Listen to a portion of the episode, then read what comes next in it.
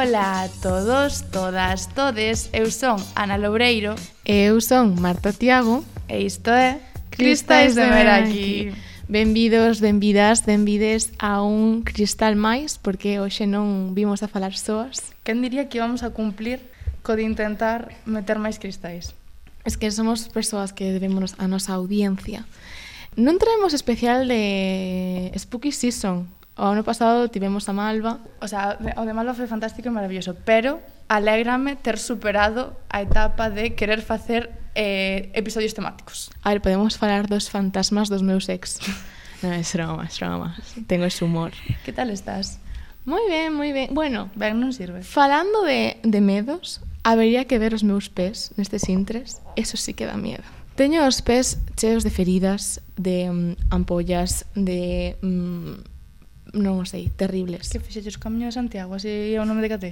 No, comprei unhas botas. Pero bueno, hoxe non imos a falar de fantasmas. Ou sí, quién sabe. Igual podemos falar dos fantasmas dos directores de cine. Ui, ui ese guiño. Ah, agilidade mental. E imos a falar de cine, de arte, de... A séptima arte. ¿De quién no vamos a hablar? De Nolan. O de Quentin Tarantino. tampouco. De quen, con quen imos a falar hoxe?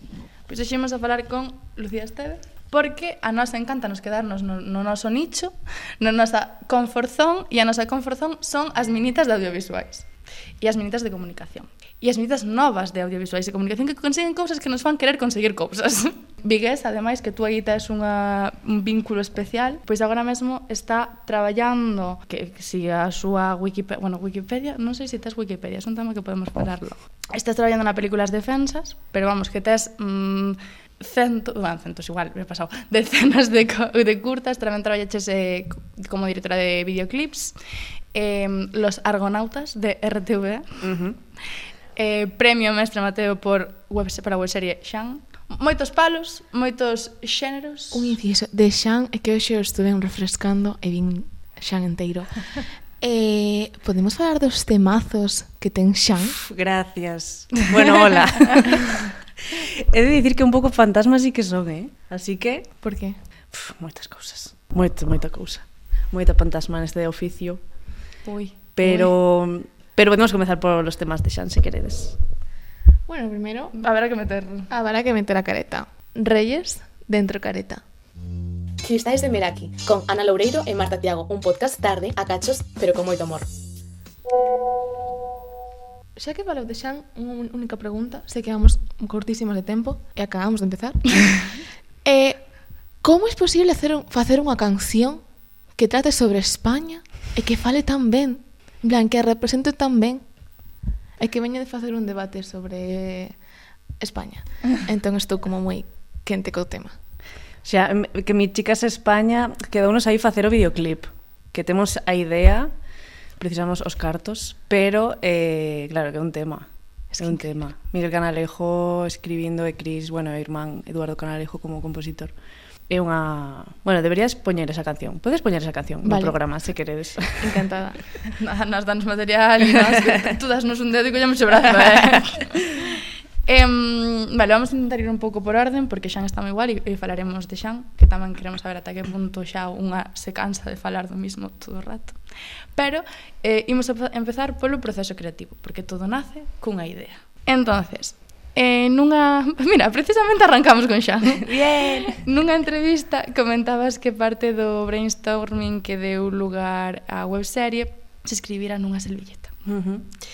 eh, como entendes ti o proceso creativo? A ver, esta servilleta queda como moi romántico, non? Non é normal. Pero isto foi porque, eh, claro, eh, cada proxecto ten o seu proceso, e no caso de Xan, era unha necesidade tanto de Miguel como eu, que somos amigos, máis que pois, compañeros de traballo, pois somos colegas, de facer algo totalmente libre e, e, e bueno, o que nos petara, non? Eh, entón, claro, eso sí que naceu de aí, eh, penso que igual sí que ten que ver con, con esas necesidades de todo o que fago, que sí que nace por, por querer como sacar algo de min, non? Eh, en o caso de Xan foi dende aí, de como mesturar esa coña con, con, con temas serios. Entón, bueno, eh, non sei, o tema do proceso gustame moito porque estou aprendendo a como a disfrutalo. Pero tes un proceso ou eres así como máis caótica? Mm, claro, é que pff, eh, Claro, claro que hai un proceso, claro que hai como eh, agora que estuve escribindo a peli, por exemplo, sí que eh, o ser un proceso máis longo, como eh, o que non estou acostumada, Eh, claro, o proceso pasa por moitos lugares. Mm, agora gustame moito, por exemplo, esta cousa das listas de música. Eh, entón vou atopando un pouco creo que é algo como de toda a vida, sabes? Atopar o teu proceso. Non é algo que agora mesmo teña claro, pero que sí que como con cada proxecto vou aprendendo a... Buah, pois pues isto sí que me axuda ou facer esta lista de facer listas.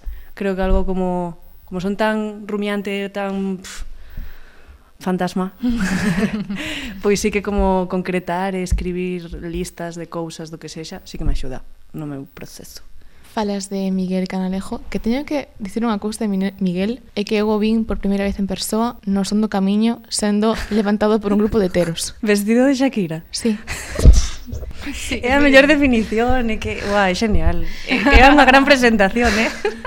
Literalmente foi a primeira vez que o vi. Eu en plan, estaba pensando, podemos facer contacto visual e que ter o primeiro contacto contigo se xa tendo un contacto con a, con a CRTVG e a tele? Porque creo que era o lugar ou Land Rover. Era Land, Ro eh, Land Rover. Land Rover. Sí. Bueno, iso que sona de fondo seguramente sexa un móvil e igual é o meu eh, e podo dicir que es Charo, es decir, mi abuela, ya desayunó y mi madre contestando un beso y un corazón.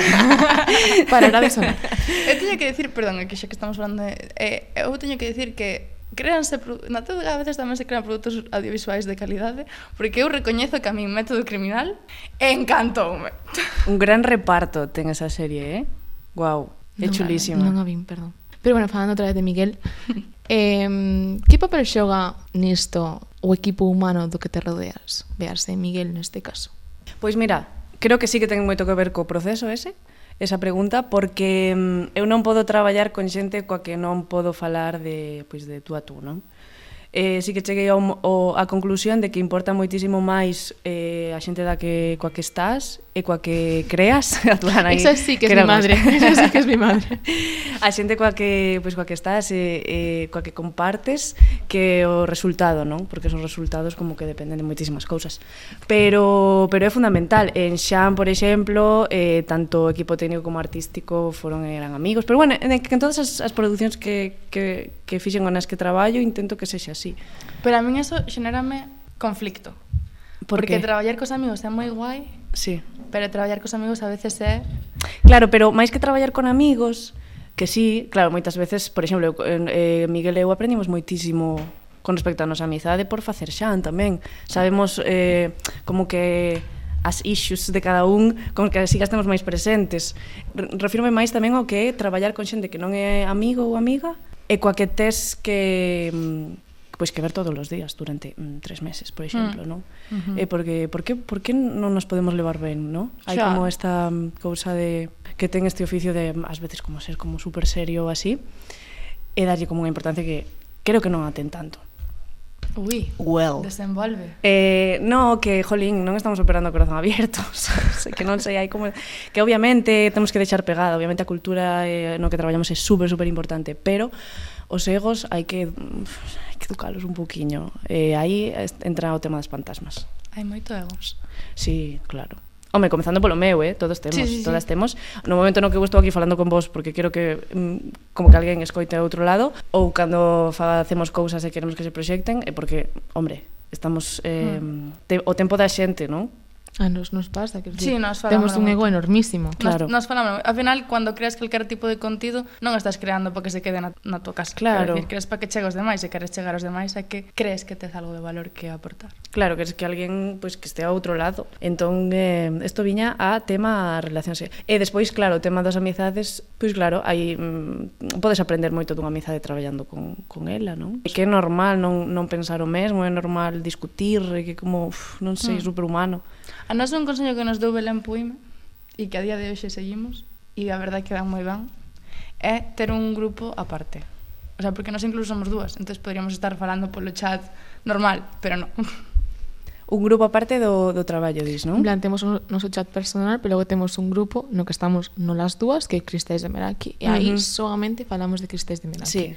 Igual eu mando unha mensaxe en plan, tes aquí o o, o vídeo editado de Lucía e ao mesmo tempo mando un mensaxe polo grupo de, polo chat de Ana en plan a que hora vai a comer É forma parte do vosso proceso eso é, é un, como unha non un check do, da vosa lista de, de como facer sí. uh -huh.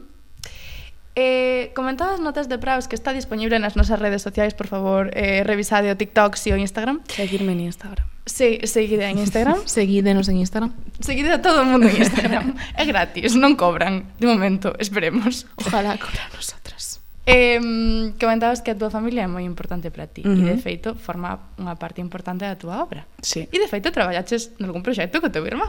E co meu pai e coa miña nai tamén. Que tal isto? ben, ben, ben. Ben porque eu eh, a primeira peza que fixen na que, que foi na universidade cando dixen, vale, eu quero dirixir, foi un docu que fixen cos, cos meus pais, entón. É como forma parte do meu imaginario é sempre eh, como a familia, non é un, un universo como que sí que me interesa un montón. Ui. Profundiza, porque eu estou pensando en, en traballar, por exemplo, non estou pensando activamente, mamá tranquila, pero penso en traballar con miña nai ou, ou con os meus irmáns e como preséntase como moito máis complicado porque a un nivel de confianza diferente e o nivel de carga en plan de, non vas a, a traballar do mesmo xeito con, con un amigo que cos, que, que a túa nai, en plan, uh -huh. hai como moita moi claro. Como Claro, que por exemplo, fixen proxectos diferentes con eles, eh, non naceron de unha maneira moi natural, por exemplo, coa miña nai fixen o vídeo ensaio de muller personaxe e aparece no, no proceso de repente dicir mamá, mm, mm podemos falar eh, eu gravo e ti simplemente falas e xa está. Ela, vale.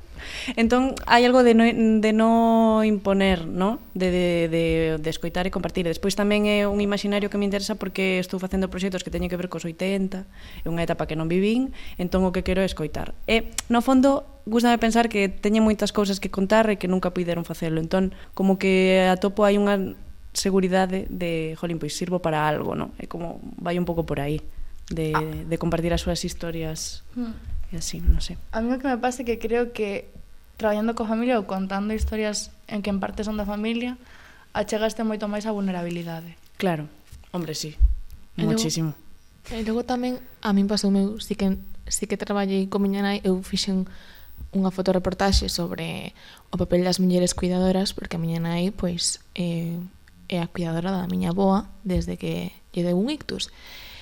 Como que foi como un proceso moito máis lento, moito máis paulatino, tamén é certo porque era un tema como moi noso, como moi de casa, e tamén como un proceso de vou abrir as portas da miña casa, vou, a, vou abrir tamén a vulnerabilidade da miña nai, da situación da miña uh -huh. nai, da miña boa tamén, pero non era tanto a protagonista porque o peso caía e tamén a miña nai é unha persoa que non igual non veu unha cámara na súa vida en plan para ela, por ela. Entón tamén é un proceso mm, difícil o contar a súa vida en plan.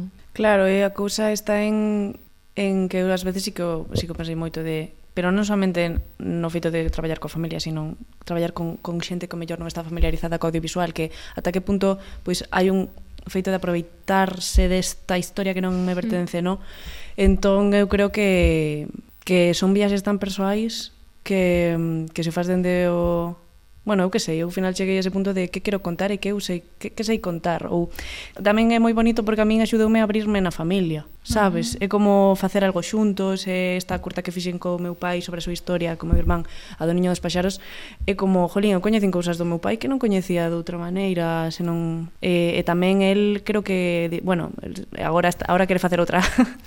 Sempre me di en plan, teño ideas, tal, a ver cando facemos outra tal, como que des, conseguimos disfrutar o proceso, viaxar en familia bueu, os festivais daqui é como algo bonito e moi da casa, e que sempre eu penso como, non sei, sempre está, sempre está a familia. E falando das, da, volvendo a Lucía creativa, algunha vez sentiches un bloqueo creativo? Bueno, todos os días. Creo que forma parte do proceso. O sea, agora estou nunha etapa na que a verdade é que estuve escribindo bastante, pero hai veces que pff, que ni de broma. E de onde crees que ven ese bloqueo? Bueno, creo que os bloqueos son inseguridades e que pero máis e, eh, e eh, aínda así, e aínda que de repente vexas unha persoa que supuestamente parece super segura e tal, non sei que, esa persoa tamén ten bloqueos. A conclusión a que cheguei é que hai que aceptar eh, eses vacíos, porque ás veces é eso, como que escribo cousas e isto vai, buah, isto increíble, buah, es un increíble proxecto. E o día seguinte leo as mesmas liñas Y es en plan, ¿pero esta mierda? ¿Qué es esto? Y entón creo que forma parte, non sei, eh, pero bueno, tema das inseguridades e así, eh, creo que está moi conectado co tema dos egos e así. No, es, eu, esta, eu ata aí eu che dicir que toches unha palabra da boca, pero eso non, eso non entendo. claro, porque os egos, ti cando ves a unha persoa insoportable, que dis, pero esta persoa que entra en set con esta tontería, que pide un café para que se lo traigan ya y que pida no sé qué y, le, y trata mal a todo Dios, isto son inseguridades porque non sabes lidiar de outra maneira co, coa peña, non? E entón hai algo aí no teu interior que, que está cortocircuitando e, e que ten que ver cun amor propio, un amor para a xente, un, quero decir, creo que todo está mezclado. Uh -huh. Eh, non sei se non sei se me expliquei, eh? sí. porque é moi profundo, é moi temprano, pero pero ten que ver creo que con iso, non sei. Sí, eh, tamén creo que isto falamos a veces con outras convidadas, que é difícil estar nun panorama mediático no que a xente che fai caso e tú pides o café de malas maneiras e o segundo tes o café sen que ninguén, sabes, é como que moi relacionado co que falábamos da familia, non? Necesitas cousas que te ancaren a terra. Claro, está moi normalizado os malos tra... falo do meu, do meu traballo, eh? de outros obviamente tamén é moito máis seguro, pero neste oficio hai moito maltrato mm, pa, de cara a xente por, por mala xestión dos egos, é que como é, é super básico. E como superas os bloqueos creativos? Pois deixando o proxecto aí, e facendo outra cousa como limpar a casa, sair a dar un paseo e, e quitan, quitando quitándolle importancia. Pois Pero eu despois digo, es que non, non é tan importante. E cando estou... Tamén é certo que no meu proceso, por exemplo, está o tema das notas, non? Eh, teño un grupo de WhatsApp comigo mesma que é super gracioso porque, hoxe, por exemplo, pon para Samaín comprar eh, sangre falsa e abaixo pon eh, unha descripción dunha escena da peli. e despois un enlace a eh, unha tostadora. Entonces, a tostadora xa me desencuadra máis, pero claro, bueno. ese grupo de WhatsApp é un pouco así, pero despois teño unha aplicación que que dende hai pouco que recomendo que que, bueno, eh, o nome Notion, que é brutal, e eh, entón claro, xa non uso tanto o grupo de WhatsApp para non para non atopa para, bueno, para que non este a tostadora molestando. Eh, eh todo o rato pois, por exemplo, vou pola rúa e hoxe non non estuve escribindo, pero sí que sí que hai unha parte do meu inconsciente que sí que está ese proxecto aí. Entón, por exemplo, ai, pois mira, esta, esta idea, pum, esta imaxe, pum, eu traballo moito dende imaxes ou intento, bueno, que tampouco quero decir, estou aprendendo, non soy, non soy ninguén. Non, pero bueno, soy unha persoa chiquita. Ninguén. Sí, bueno, Chula, yo no tengo un mestre Mateo. Eh? Bueno, pero os mestre Mateo tamén non son pa tanto. que claro que quero gañar máis mestre ma maestres Mateos, pero que, que non significa nada telo ou non telo, sabes? Isto non está en guión, pero xa é unha curiosidade miña personal. Tes síndrome da impostora? Sí, todos os días tamén. Hombre, X en plan, que eu fago aquí falando con esta xente que como... É que a pregunta, a pregunta que deberíamos facer é Alguén non ten o síndrome de impostora. Creo que o síndrome de impostora tamén é necesario para baixar a terra. Entón, a peña que, esta peña que o mellor ten moito ego así, eh, está do café de quero isto xa e tal, sei que, por que non tengo aquí mi monitor, por que non sei que. Igual un poquinho de impostor estaba ben, pues sabes, eu, que lle acompañara ou así. Eu creo que ao revés, o sea, non no teño moi reflexionado, pero un pouco sí. Creo que ao revés porque sintes que estás tan... Eu pelo menos, ¿no? Cuando se... eu sei que hai momentos nos que me poño borde e intento con todas mis fuerzas e mi alma e todo mi espíritu controlarme.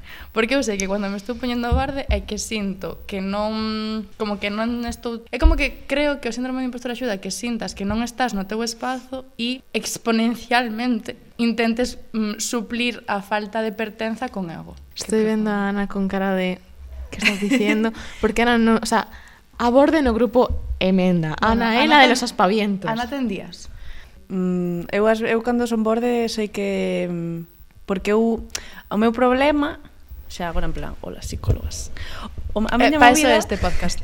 A miña movida é que moitas veces non sei explicar as cousas que teño na cabeza. Entón, tamén o que, o que ocorre é que como que hai algo de que non... Mm, cando algo me parece mal de cara a min, non, non o digo directamente. E despois chego a casa e é en plan, mierda joder, por que non lle contestei a esta persoa? Ou por que, sabes? Entón, eh, calo, calo, calo, e despois, Explotas. cando, cando exploto, e cando son borde ou así, é con algo que non ten que ver o mellor coa persoa que teño diante, sino con cousas que eu non sei xestionar. E isto por que venía? Bueno, da igual. Eh, entón, claro, é como non, non deixa de ser como unha maneira de, de porque ao final é todo psicoloxía, coñecerse unha mesma para non fastidiar a outra persoa que tes diante, sabes? Hmm. E creo pero... que tamén xoga un papel importante a frustración, sobre todo nos traballos creativos. Sí, sí. A frustración e, eh, e querer subirse a olas, que a mí sí que me, me, me pasa, ou sí que me pasou, é que intento como localizar, non? Esta cosa de deseducar por que levo tantos anos copiando maneiras de facer que non, que non me pertencen, porque non, non me sen naturalmente, non? Eh, cos, eh, é ovo que teñen as curtas, como que ti vas, pues, faz e exploras e eu ás veces agora pois vexo curtas que fixen e digo, que por que coloquei así a cámara? Por que tan estático? Por que tan cerrado todo? E é porque nese momento inconscientemente estaba deixándome levar polas cousas que dicían que é guai, sabes? E non sei, que igual sí que é guai, pero eu non formo parte de eso, sabes? Non sei. A min pasame que eu sí que, o sea, considero unha persoa mm, con un síndrome de impostor de aquí a Pero sí que é certo que tamén son moi perfeccionista e tamén son moi mm, metódica. Entón eu son consciente de que teño moita inseguridade, pero eu pese a isto tamén son como quero que se faga así, porque deben facerse así e ten que ser así. Entón aí conflúe como dúas martas, que es como mm la Marta que dice oh, porque igual deberías escoitar máis porque igual deberías eh, abrir un pouco máis a túa mente escoitar un pouco a quen tes ao redor e a outra en plan é que se ten que facer así e ya está. Claro, pero eu creo que unha cousa non quita a outra, non? Eu creo que podes ter ese método eh, e, e sentirte impostora tamén. É guai que escoites a outra Marta tamén, sabes? Creo que é necesario. Como auto, autocrítica, esa é a palabra, falta autocrítica sí. en todo. Sobre todo nas artes, en plan, neno. É como si eres unha persoa insegura, pero eu o miro en plan, tamén non tes autocrítica tú contigo mesma. Hmm. plan, estás insegura do que faz, pero tampouco cando o faz, logo non eres capaz de mirar en plan, pois o que dicías ti. Pois pero pues igual podía facelo de outra forma, igual non debería, sabes? Como que, sí, son impostora, pero tamén teño unha, un ego que non me permite ser crítica comigo mesma. Uh -huh. eu, eu precisamente isto falaba outro día coa psicóloga E mm, a conclusión a que chegamos en tándem, ou me fixo chegar, máis ben, é que, claro, aínda que sexas insegura, cando tes tanta necesidade de control para, para obter certo nivel de estabilidade e seguridade, tú podes controlar o que tú fas tú podes controlar as horas que lle dedicas a un traballo, tú podes controlar como colocas a cámara, como colocas o micro, pero tú non podes controlar o que fan os demais. Claro, rollo a responsable, claro, eso en, creo que entendo, porque a mí sí que me pasa moi mm, esta cousa da culpa todo o rato, non? E eh, de estar justificando todo o rato que fas. A mí sí que me pasa e e é como que unha persoa veña e diga e, ao mellor hai, hai xente que hai xente que ten unhas enerxías que non sei se vos pasa que de repente teñen unha forma de ser que revuelven absolutamente todo o teu día por exemplo non eh, non sei se me explico entón que eu, eu coa, coa psicólogo cheguei o punto de non é a miña responsabilidade sabes as movidas que é como o que día esta persoa non ten por que ser certo, porque eu non sinto iso. Entón eu creo que tamén é unha algo de como é a palabra, outra outro tipo.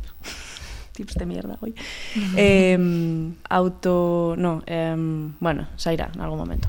Amor, eh, algo de amor propio, algo de... Autorrecoñecemento? Sí, sí. Que falo todo o rato cunha colega que se chama Sila, hola Sila, que, que falamos disto. Pero bueno, da igual, sairá en algún momento. Saira, Volvendo un pouco ao tema de, da ficción. Nunha entrevista falabas de que non querías usar o termo cinema de mulleres Ajá. Falanos un pouco de... Mima, cando entrevista fixen? Fixen tanta? Chica. Eh, gracias por, por informar. Non teño, non teño página de Wikipedia, eh? Non necesito tampouco. No? No. Pois pues nas que nas, eu de feito pensei en crear a NASA. le, dije, le dije que non. Que lle parecía cutre. En fin. Pois non, non, non, non, é que ese término pff, es horrible. E por que crees que usan tanto para definir as pezas que os que facemos as mulleres? O noso, por exemplo, un podcast de mulleres. Porque eh, gusta etiquetar, eh, parece que hai algo a nivel social, pois que gusta ter todo en caixóns, non? Entón, ah, esta son as cousas das mulleres, esta poesía, son a poesía das mulleres, estes podcast das mulleres, tal. Pero que somos persoas individuas eh, que facemos cousas distintas e que como... Eh, tamén hai algo de... Falando de, de cine, de, claro, o cine das mulleres é íntimo, é familiar conta feridas e os homes fan thrillers e acción e, non vou a mencionar que... o director no que estou pensando. Non, fa, non digamos nomes porque well eh, entón creo que, que no que audiovisual é moito máis eh, moito máis aberto a, hai moitas máis mesturas hai opcións de que as mulleres fagan thrillers fantásticos e os homes cousas íntimas. Entón deixemos de etiquetar desa forma porque é horrible. O sea, a mí, eh, pareceme terrible. A mí dá a sensación de que o usan como que o sacan como a bandeira do feminismo, uh -huh. rollo, mira que guai cuántas mulleres facendo cine. Uh -huh. E claro, nun mundo xusto, non heteropatriarcal, daría igual que eh, esa película estivera feita ou non por unha muller, porque simplemente seguiríamos encaixando dentro do resto de xéneros cinematográficos, pero como non é a norma, uh -huh. é algo salientable. Estou poñendo comiñas, comiñas. Sí, non sei. Hai como tanto debate sobre isto que mm, creo que chegamos a un punto de foi agora, ademais, eh, eu, eu ás veces fago comparativa e eh, sí que había cousas moi avanzadas cando eu fixen a carreira, que foi de 2012 a 2016, pero a de nomes de mulleres cineastas que hai agora mesmo e como, joe, ojalá eu eh, ter eses referentes cando estudei, e foi aí nada, sabes, xa. como que e sempre estiveron aí, o que pasa é que non se lles deu esa um, esa, esa visión eh, non, non se lle deu importancia porque era cousas de mulleres. Entón, as cousas de mulleres estás eh, como sí que son importantes e sí que contamos historias eh, que para todos os públicos eh, estamos pues, demostrando perfectamente que é moi posible facer diferentes xéneros, non etiquetarse en algo, non? Ti como muller eh, cineasta, crees que a, a sociedade barra o críticos barra lo que sea son máis críticos con coas mulleres a hora de facer cine. Por eso crees que costanos máis chegar a, ao panel de exposición porque son moito máis exíxenos moito máis a nós? Sí, hombre, Eu creo que eso é unha loita constante que falta moito por conseguir, aínda que xa se conseguiron moitas cousas. Pero sí que hai esta cousa de mm, cando hai un título dirixido por unha muller, hai, hai unha lupa, mm. sabes? Coa que estás eh, como que parece que se ve cada liña de a ver se si isto non vai ser feminista. Porque como fai unha muller, Claro, entón tamén entran eses términos todo o rato de, de que é feminista, que non, bueno, es que é un cristo, non sei.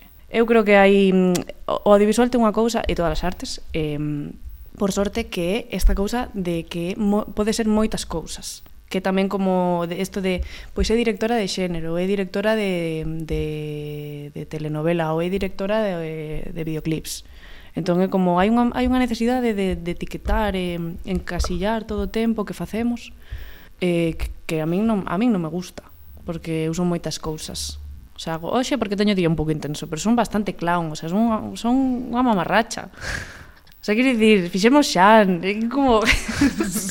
que... Falaremos de eso. É que, non sei. De sí. feito, isto pasou con Barbie. En plan, Barbie criticouse moito a Greta polo feito de que fixe un feminismo básico e non se meteu nun feminismo intenso e que non fixo aquí de profesora de feminismo, senón que ensinou cousas básicas como é a sororidade. Entón criticouselle moito o tipo de feminismo que estaba transmitindo. Hmm. Como que se puso moito a lupa a ver como desenvolvía o papel de Margot Robbie e como eh, que, que era o que mostraba, que era que no, tal. Pero vai moito máis alá, porque neste debate, no que estamos falando dunha película concreta, dirixida por unha muller, ok? O debate foi en comparala con Oppenheimer, simplemente porque a estrea foi o mesmo día. E que, ou, bueno, o mesmo día, ou non sei se sí, os sí, mesmos sí. días. E como eso tamén di moito de, de como funcionan as cousas, non? De, pois, que se máis rentable, se non, se... non sei. E que non tiña nada que ver unha ca outra. Claro, é que... É que pero a ver, se non, se non, se non é Oppenheimer, sería outra Sí. Sabes? Sí. Esa comparativa. Pero se non estivera Barbie, igual Oppenheimer non a, non a comparaban tan intensamente con outra. Pero nese caso, eu creo que no caso de Oppenheimer e Barbie tamén entra outro factor que é um, a crítica erudita. En plan bueno, de... Es que... O cine intenso... Qué pesados, qué carcas. De verdad. Claro. Es que qué aburrimiento, joder. Que sí, que Nolan está muy bien. ¿eh? Es horrible, es horrible. Es que Eu eh, hai, hai anos borrei Twitter e volví hai pouco, non sei por que motivo. Volví, non? Teño por aí, non, non entro todos os días, pero sí. Pero é unha cosa, de verdad, eh? Non sei, es que vai moita gracia. Un capítulo de Xan sobre este tema. temos, temos cousas escritas. Sigues escribindo para Xan? Eh, e, e eh, xa uns capítulos escribe escribiunos Miguel. E si, sí, temos na, pois na neveira dende hai moito tempo mm, como cinco ou seis escritos. Precisamos pasta eh, é un pouco de pensar, pensar un pouco co que queremos facer, pero faremos máis. Máis pasta que pensar.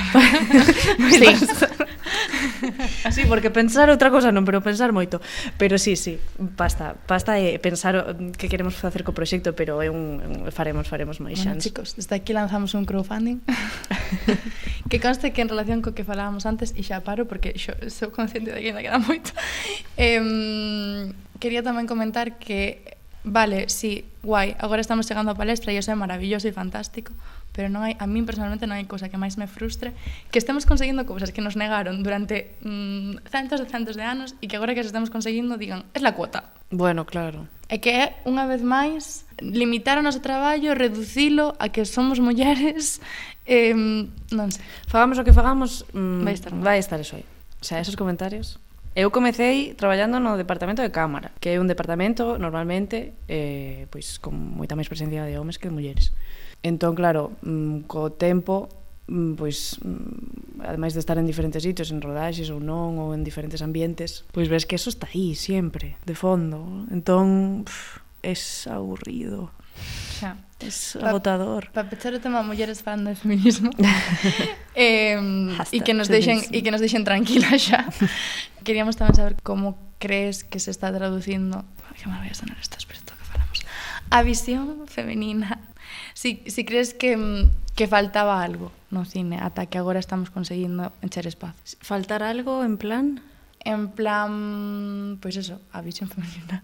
Mm, bueno, Mm, estamos aí, estamos facendo cousas pouco a pouco, moita peña, eh, pero sí, bueno, eu, eu agora penso moito tamén nos personaxes queer que non temos en Galicia. Un problemita. Eh? Problemita. Pero eh, personaxes queer ou personaxes con discapacidade ou personaxes de realidades diversas que non eh, hai. E cando hai, bueno. Pero, pero creo que, non sei, que hai, moi, hai tantos nomes de mulleres agora... Falo de, xa de Galicia, eh? como de mulleres cineastas que, que están facendo cousas e que por sorte con sorte desta burbulla e deste de todo o que está pasando agora co audiovisual gracias ou, ou por as, plataformas penso que haberá moitas máis historias. E penso que tamén os homes son conscientes das cousas que quedan por facer e hai moitos homes crecir mm, claro, feministas. nese sentido tamén entra a dúbida de can ten que dirixir un filme no que se representan realidades diversas. O director, directora, o ten que formar parte deses colectivos que se están a representar. Claro, ese é un debate interesante. Interesante que non dá, que dá para moitas horas, pero eu creo que que contar historias dentro do respeto eh, é eh, necesario, eh, que haxa persoas eh, que conten historias persoais pois de realidades diversas dende a dirección pois eh, xente queer, eh, no meu caso eh, ou, ou xente con, bueno, o que, o que sexa, realidades diversas, creo que é necesario que conten as historias. Entón, hai xente que ten o poder, que non forma parte desos colectivos, pero que ten que respetalos e ten que dar lugar, eh, abrir portas, eu creo que... E que falamos un pouco tamén na nosa rama en xornalismo, que eu en plan quero facer xornalismo social, é importante non apropiarse de historias que non que non vives e que non coñeces. Claro, porque Por desgrazar... o público, a cousa é que o público é moi listo. Entón, eso eso se ve.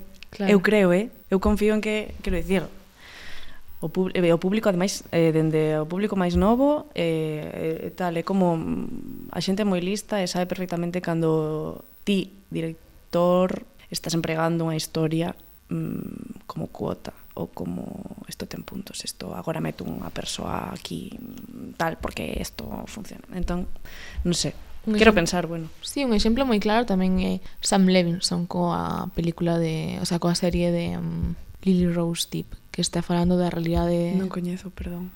Vamos sei o nome. Bueno, na que sale The Weeknd pero notas un montón a súa perspectiva, evidentemente, dun home que está falando da vida dunha muller famosa, literalmente a reduce a nada, uh -huh. e non profundiza.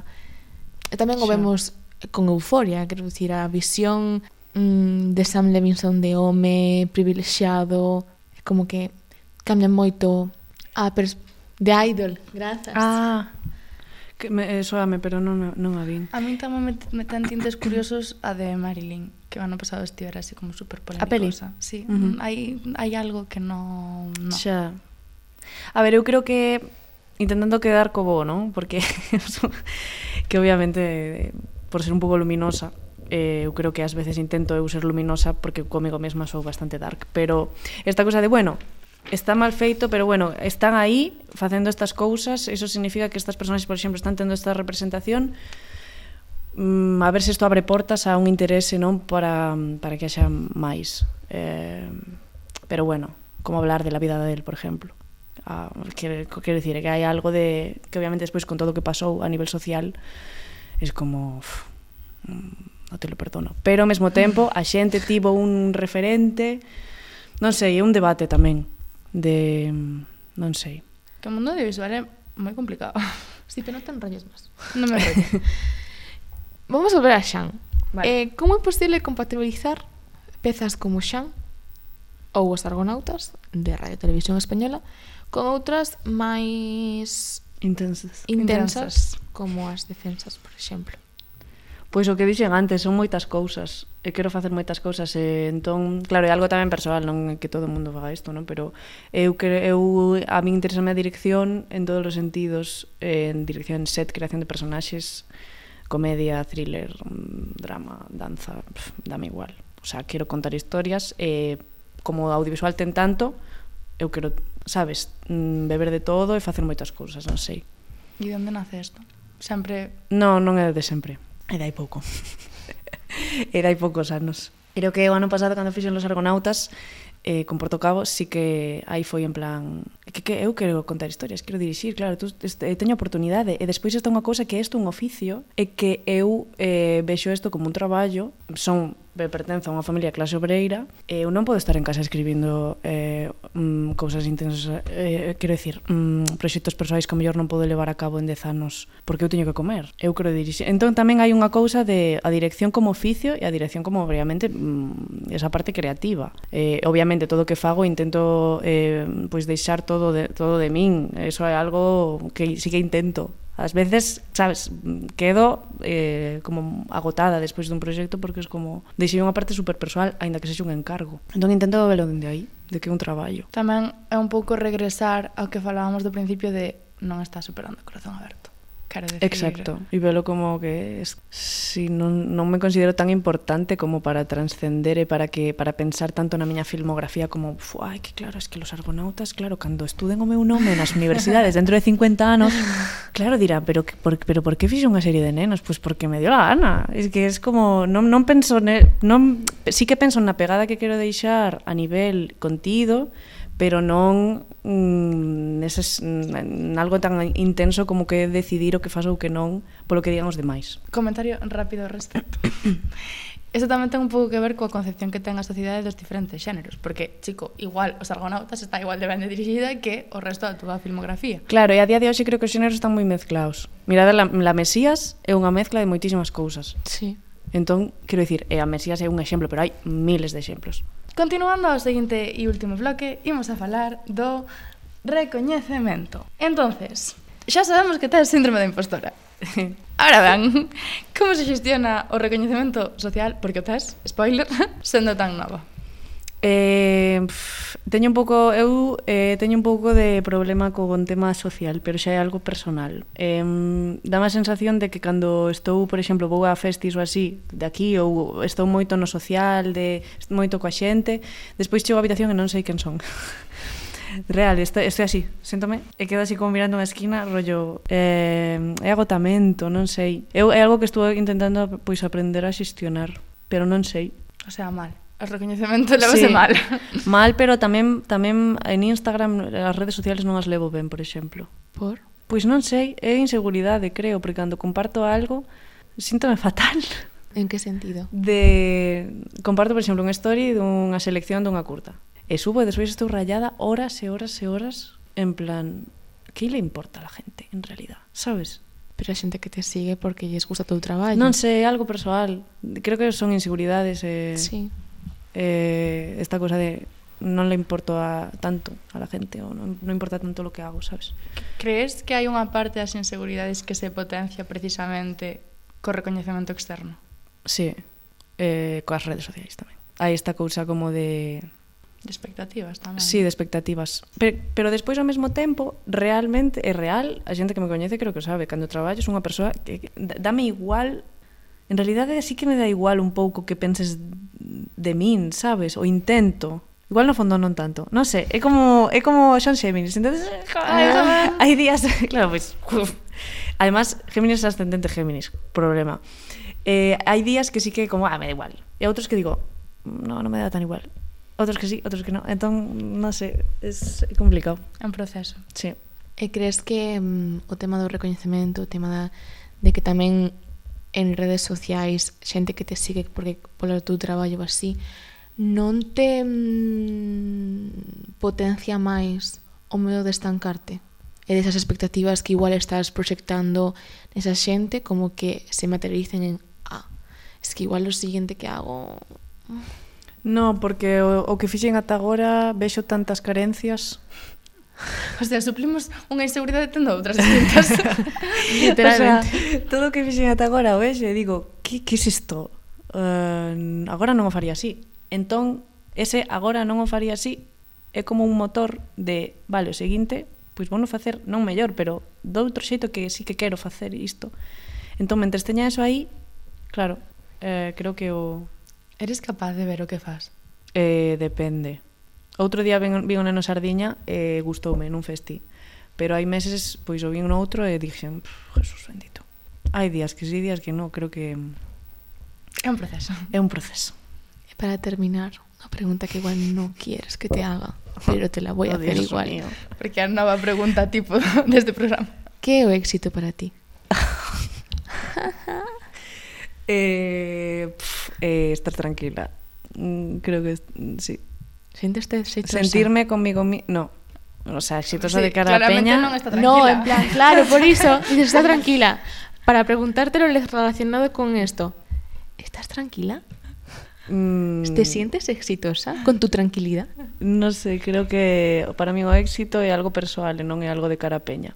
Claro, pero escritura cara a ti. E de cara a min é estar tranquila... Bueno, claro, sí, a ver, vale, vale, espera, xa entendí. Sí, sí. De cara para mí. De cara a min estou tranquila con quen son e co que fago. Entón, eso é, eso é éxito. Pero eso ás veces está como manchado de, de eso, de todo que venden de fora de creo que cuestionarme, ah, pois igual o éxito é gustar gustar a todas estas persoas, pero en realidad non, así que me da igual. entón outra vez, volvemos ao mesmo dilema de, me da igual, non sei, mm, hoxe sí, hoxe non. A definición que temos cada un do éxito é moi importante, porque eu creo que define a nosa satisfacción co que facemos. Hmm. Eu quero estar, está, o sea, estar tranquila, quedar con amigos, ir a bailar, es que es como... Pff traballar, gañar un dineiro, obviamente, para pagar os, o meu piso pequeniño de Coruña eh, entre plantas lata de sardinas eh, e via, eh, non sei, viaxar, é como, non sei, outras cousas que non teñen que ver co traballo, porque claro. non é tan importante. Totalmente. De, o sea, eu, eu cheguei aí pouco a, esa, a esa conclusión. A veces pasa que pasa, a veces no, sempre pasa que ligamos moito o tema do éxito ao tema do laboral.